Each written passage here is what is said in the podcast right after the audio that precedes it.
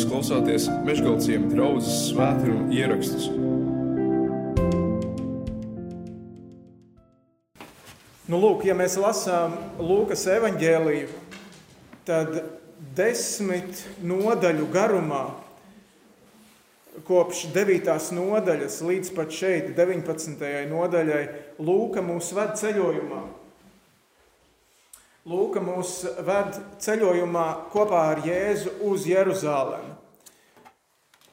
Jo Jēzus, kad viņš ir pagriezies Jeruzalemes virzienā, tad viņš jau zina, kas viņu tur gaida. Un viņš jau laiku pa laikam šajā ceļā mācekļiem saka, mani tur gaidīs ciešanas, izsmiekls, nodevība, nāve, bet es celšos augšā.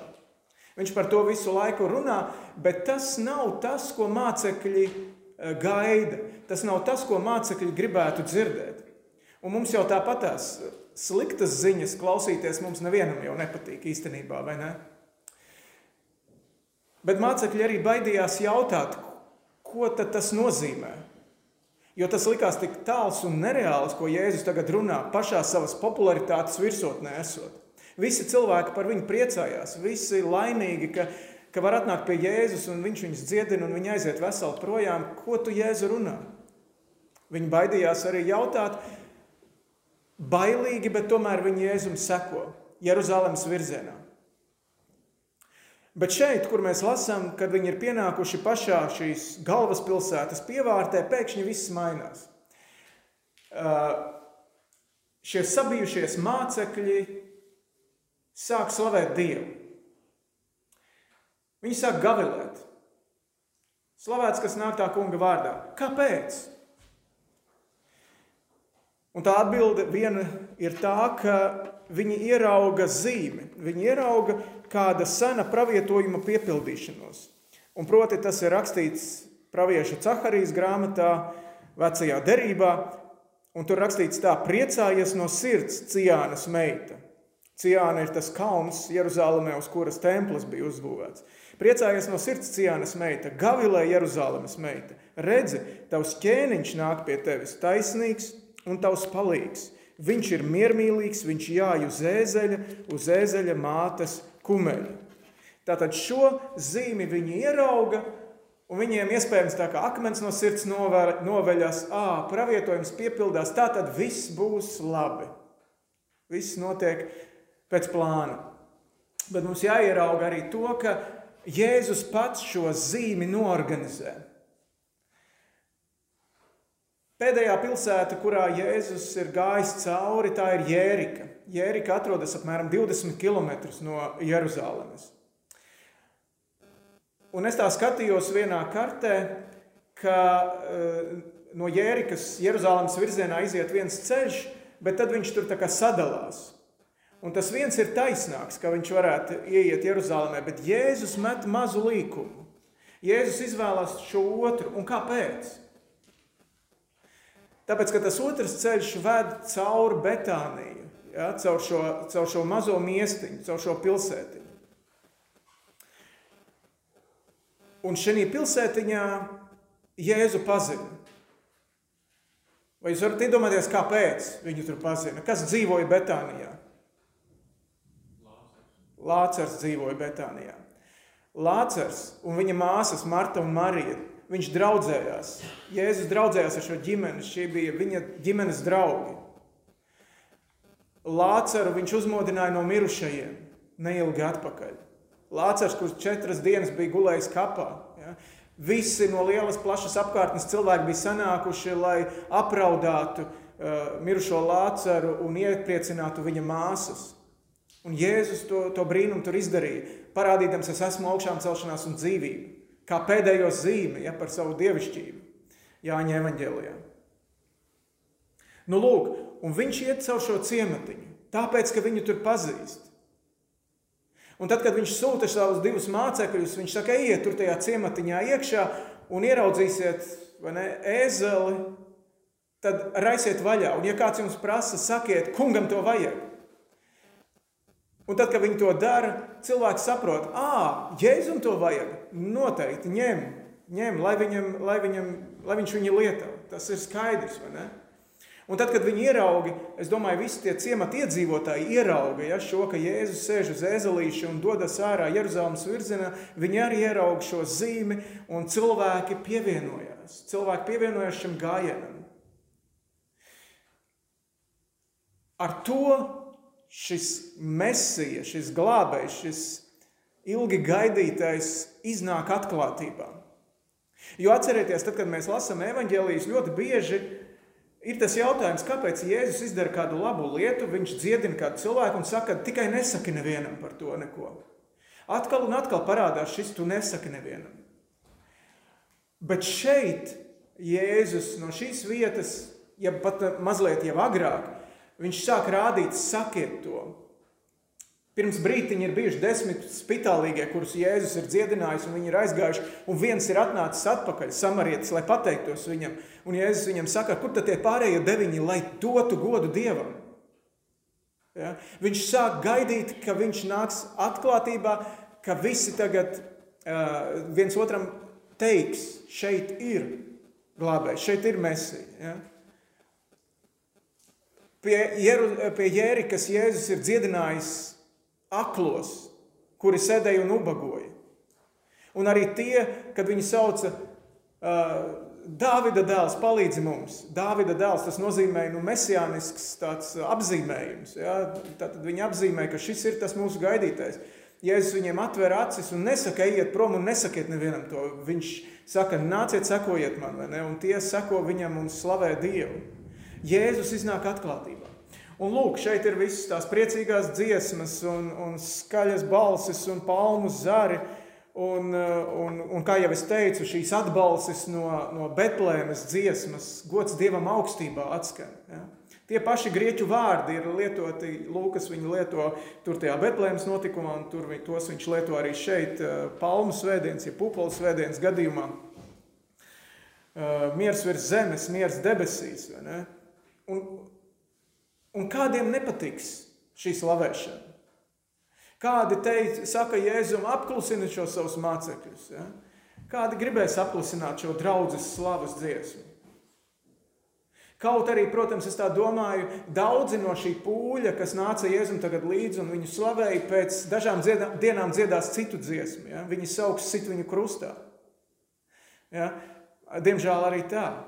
Un tomēr šai slavai ir jātul, jāturpinās. Jēzus saka, ja šie klusēs, tad akmeņi kauks, akmeņi brēks. Draudzes vietā šo slavas dziesmu neviens cits nedziedās šajā pasaulē. Draudzes vietā neviens cits nesludinās ja, to, ka Jēzus ir glābējs, Jēzus ir mesija. Viņš ir tas, kas nāk tā kunga vārdā. Un tad visā, uz visa šī fona, kā tāds um, kontrasts izceļas Jēzus asaras, par kurām mēs varam lasīt eh, sākot no 41. panta. Un tā ir dzirdama raudāšana. Tas vārds, kas to apzīmē, oriģinālā valodā, tā ir dzirdamā, skaļā balsī uh, raudāšana ir tas slavenais pantiņš, visīsākais jaunajā derībā no, no diviem vārdiem, kas sastāv Jēzus raudāja. Tas bija pie Lācara kapa, toreiz, kad viņš izsauca Lācaru dzīvu atkal no kapa ārā.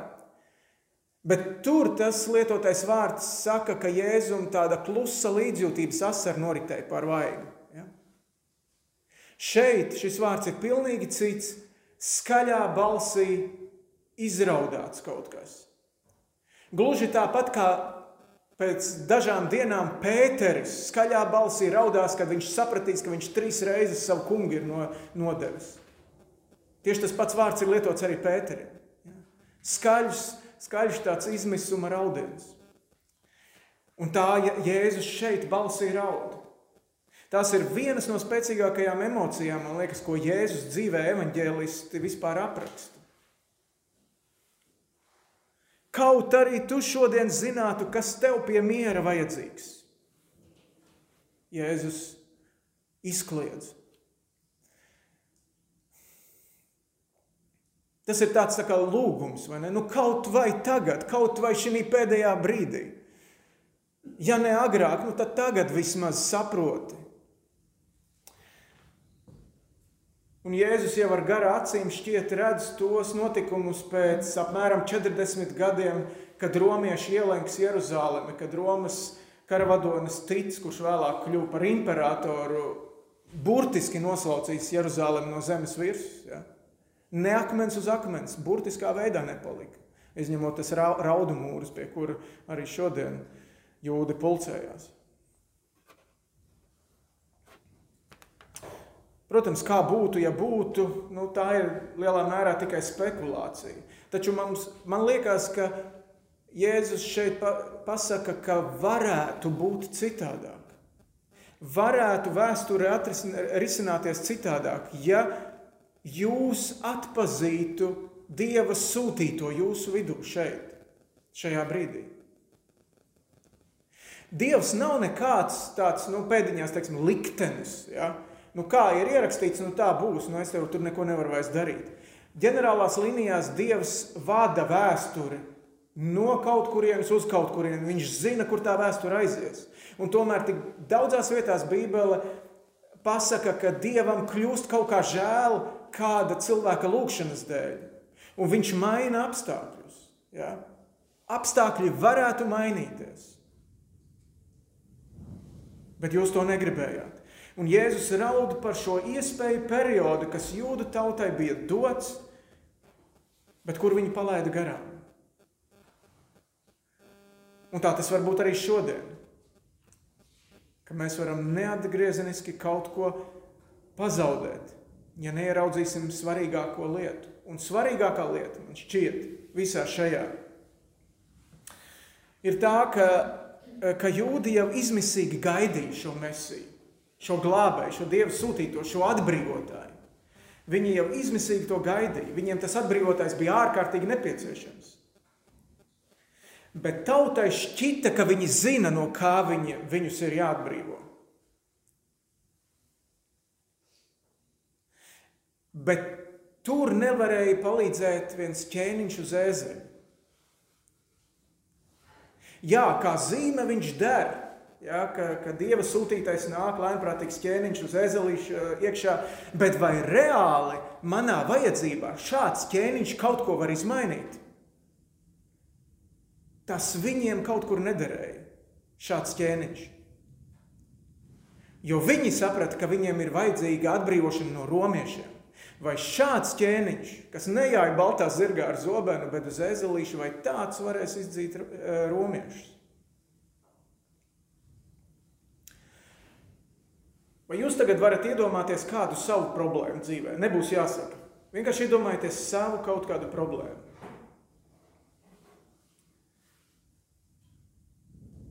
Kas tev būtu vajadzīgs, lai tu to varētu atrisināt? Kā tu domā, kas tev būtu vajadzīgs, lai tu šo problēmu atrisinātu un lai tā tevi vairs nemocītu? Kāds, eh, kādā nu, interneta, eh, interneta komentāros pie viena eh, video, kāds nu, arī diezgan zināmās aprindās pazīstams cilvēks, nu, kur arī bija runa ja, par, par, par Dievu, par Jēzu. Tā. Viņš bija kādā komentārā uzrakstījis, ka 99% gadījumu manas problēmas atrisinātu vairāk naudas nevis kaut kāds Jēzus. Manā gadījumā 99% problēmu gadījumu vairāk naudas šīs lietas atrisinātu. Un tad kāds mācītājs viņam bija atbildējis komentārā, ka tu tā runā tāpēc, ka tu nezini par 99% kāda ir tava problēma. 99% gadījumu tu nemaz nezini, kāda ir tava lielākā problēma. Un to nevar atrisināt naudu. Redziet, šī procesija, kas nāk iekšā no Betānijas Jeruzalemē, galvaspilsētā, ar ezelīti priekšgalā, viņa nedodas uz to Heroda pili, kas jūdiem likās, ka tur ir tā problēma. Un tā Heroda pils atradās 500 metru tālāk ja, no tempļa. Bet šī procesija dodas uz templi. Jēzus dodas nevis tur, kur tev liekas, ka ir problēma, bet uz turieni, kur patiešām tā problēma ir. Templis bija jūdu tautas un Jeruzalemes, kā galvaspilsētas vispār, vai ne?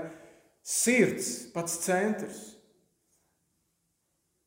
Templis bija jūdu ticības un jūdu vēstures pati sirds. Uzbūvēts jau kā, es esmu kaut kur lasījis, nevarēju vairs atrast, kur, bet ka, ka, ka vispār tā tempļa uzbūve ir kā sirds ar visiem pēc sirds priekškambariem un tā tālāk. Ja? Un problēma nav kaut kur apkārt. Tā problēma ir iekšā. Jēzus ienāk templī un viņš saka, mans, lūkšana, mans nams ir lūkšana nams, bet jūs to esat pārvērtuši par laupītāju bedri. Tajā gadījumā ja, šī ir tā problēma. Templī ir jāvalda radītājam. Templī ir jāvalda tam, kura dēļ šis templis ir celts.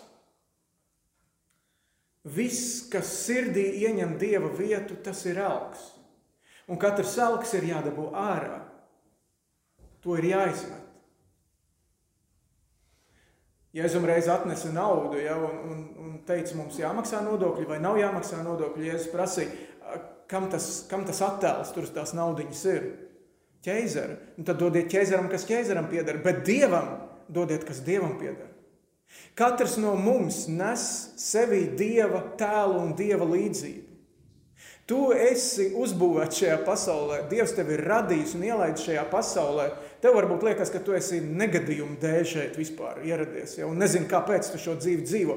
Nē, tev ir jēga, tev ir nozīme, tavs, tavs uzdevums ja, ir pagodināt Dievu. Tavas sirds pašā centrā ir, ir uzdevums būt glābējam, būt radītājam, būt Dievam. Tā ir Dieva vieta. Tā ir Dieva vieta.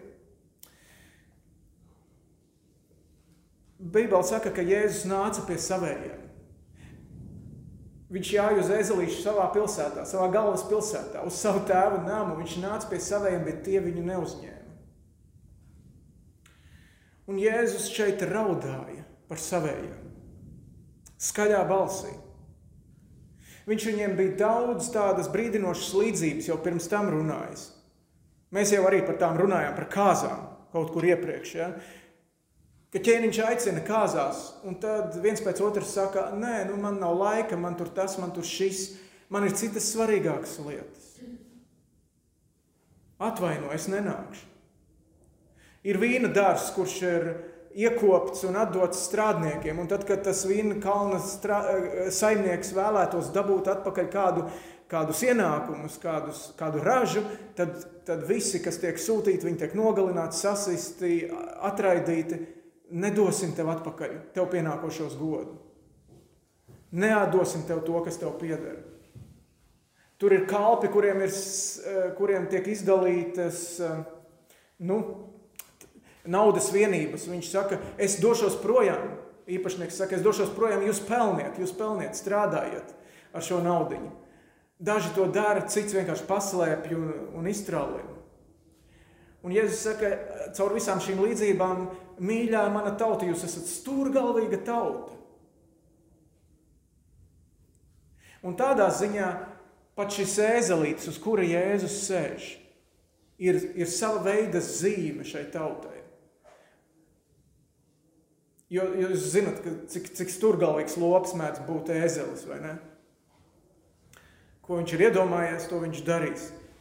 Un šis ēzelis pie kam vēl bija lops, uz kura nekad neviens nebija sēdējis. Jūs varat iedomāties, ko nozīmē apsēsties, uzsēsties uz kāda neiejāta zirga vai, vai ēzeļa šajā gadījumā. Ja? Tas lopiņš dara visu, lai tevi nokratītu nost. Bet šeit ir troksnis, slavas sauciens un tā tālāk. Neiejāts lopiņš, uz kura sēž Jēzus, bet viņš mierīgi, bez raustīšanās dodas nes to, kas uz viņa sēž tempļa virzienā. Šis stūrgalvīgais lops ir paklausīgs Dievam. Atšķirībā no mums, atšķirībā no cilvēkiem, kur tik bieži vien domājam, ka mēs zinām labāk par Dievu. Bieži vien mēs sakām, kungs, kungs, bet sirdī mums dzīvo citi dievi. Elki. Vai šodien Jēzum nav ar kādu miera zīmi jāiejai mūsu tajā būtības centrā? Mūsu sirdī. Vai tev šodien ir miers ar Dievu? Jo runa jau nav tikai par kaut kādiem neticīgajiem pagāniem tur ārpusē šorīt, ja, kas kaut ko dara citu pilnīgi. Tāpēc, ka tā problēma bija izredzētās tautas vidū. Tautas, kuri pazina Dievu vidū. Viņiem bija tas templis, kurš nekalpoja savam sākotnējam mērķim. Un Jēzus sauc, ak, kaut tu zinātu, kaut vai tikai šodien tu zinātu, kas tev patiesībā pie miera ir vajadzīgs. Un tad, kad šis miera ķēniņš ienāca tajā templī, īstenībā viņš vairs neizturās kā miera ķēniņš. Viņš dara diezgan sāpīgas lietas. Viņš novīja no auklām pātagu un izdzen laukā. Viņš dzen laukā. Atkal viens paradoks. Nāk miera ķēniņš, kurš dara kādas sāpīgas lietas, lai izārstētu šo vietu. Vai tu gribētu ļaut Dievam pat varbūt kādu sāpīgu lietu tavā dzīvē darīt, uzrādīt kādu sāpīgu augoni tavā dzīvē, kuru bez tā, ka viņš tiks izoperēts, nu, labāk nebūs. Lai cik daudz tev naudas būtu. Jēzus nedara, ko mēs gribam, bet Jēzus dara to, ko mums vajag. Tauta gribēja, lai viņš varbūt iet uz Heroda templi un, un patriektu tos romiešus, bet īstā problēma bija templis, templī. Dievs nedara to, ko mēs gribam, bet to, kas mums vajadzīgs. Ja viss būtu noticis tā, kā apustulis Pēters bija iedomājies, tad Jēzum nevajadzētu vispār pie krusta iet un mirt. Tāpēc, ka Pēters teica, tad, kad Jēzus teica, nu, ka viņam būs jāiet uz turieni, Pēters teica, lai Dievs nedod, kā ar tevi kaut kas tāds notiktu, kungs. Un Jēzus viņam teica, tu domā nevis tā, kā Dievs domā, bet tā, kā cilvēks domā. Ja? Ja būtu noticis tā, kā Jēkabs un Jānis, citi Jēzus mācekļi, gribēja, tad, kad viņi nāca un teica, Kungs, mēs gribētu, tad, kad tu ienāc Jeruzalemē, sēdēt viens tev pa labu, otrs tev pa kreiso roku. Ja būtu noticis tā, kā viņi gribēja, es domāju, ka viņi nebūtu laimīgi. Ja? Jo Jēzus krustam bija divi krusti katrā pusē. Bet ne jau to viņi gribēja. Bet, ja būtu noticis pēc viņa prāta, nevis pēc dieva prāta, ja, ja tas virsmuitnieks caķējs, ja būtu noticis pēc viņa prāta, tad viņš no tāluma Jēzu būtu redzējis, un tas arī būtu viss. Bet nenotika tā, kā viņš bija plānojis, tā kā viņš gribēja. Jēzus viņu ieraudzīja un teica, es gribu pie tevis apstāties. Un tas, ka Jēzus pie viņa apstājās viņa namā, tas izmainīja tik daudz. Tāpēc, ka Dieva prāts daudzreiz ir citādāks nekā, nekā mūsējais. Dievs nedara to, ko mēs gribam, jo Viņš zina, ko mums patiešām vajag. Viņš zina to, kas ir patiešām vajadzīgs īstam mieram. Un īstam mieram mums ir vajadzīgs kāds, kurš uzveic nāvi. Jo savā dziļākajā būtībā ne, cilvēks nu, baidās. Kas būs? Mums bija vajadzīgs kāds, kurš atbrīvo no nāves, kurš nomirst mūsu nāvi mūsu vietā. Kāds, kurš sodu par grēkiem saņem mūsu vietā. Pēc maza brītiņa mēs nāksim arī vakarēdienā. Un uh, mēs pieminēsim to, ka Jēzus uh, nāk mūsu vietā. Jēzus ļauj savu miesu sakapāt romiešu pletnēm, ļauj savu miesu salauzt, ļauj savu miesu caururpt garām naglām. Viņš ļauj savām asinīm iztecēt mūsu grēku dēļ, mūsu glābšanas dēļ. Un mēs tagad pavadīsim arī kādu laiciņu klusā lūkšanā. Un lūksim, lai Dievs uzrāda patiešām mūsu īsto problēmu. Lai Dievs uzrāda patiešām īsto problēmu. Un viņš ne tikai uzrāda, lai cik tas nebūtu sāpīgi, viņš ne tikai to uzrāda, viņš arī to dziedina. Viņš arī to var dziedināt. Lūksim.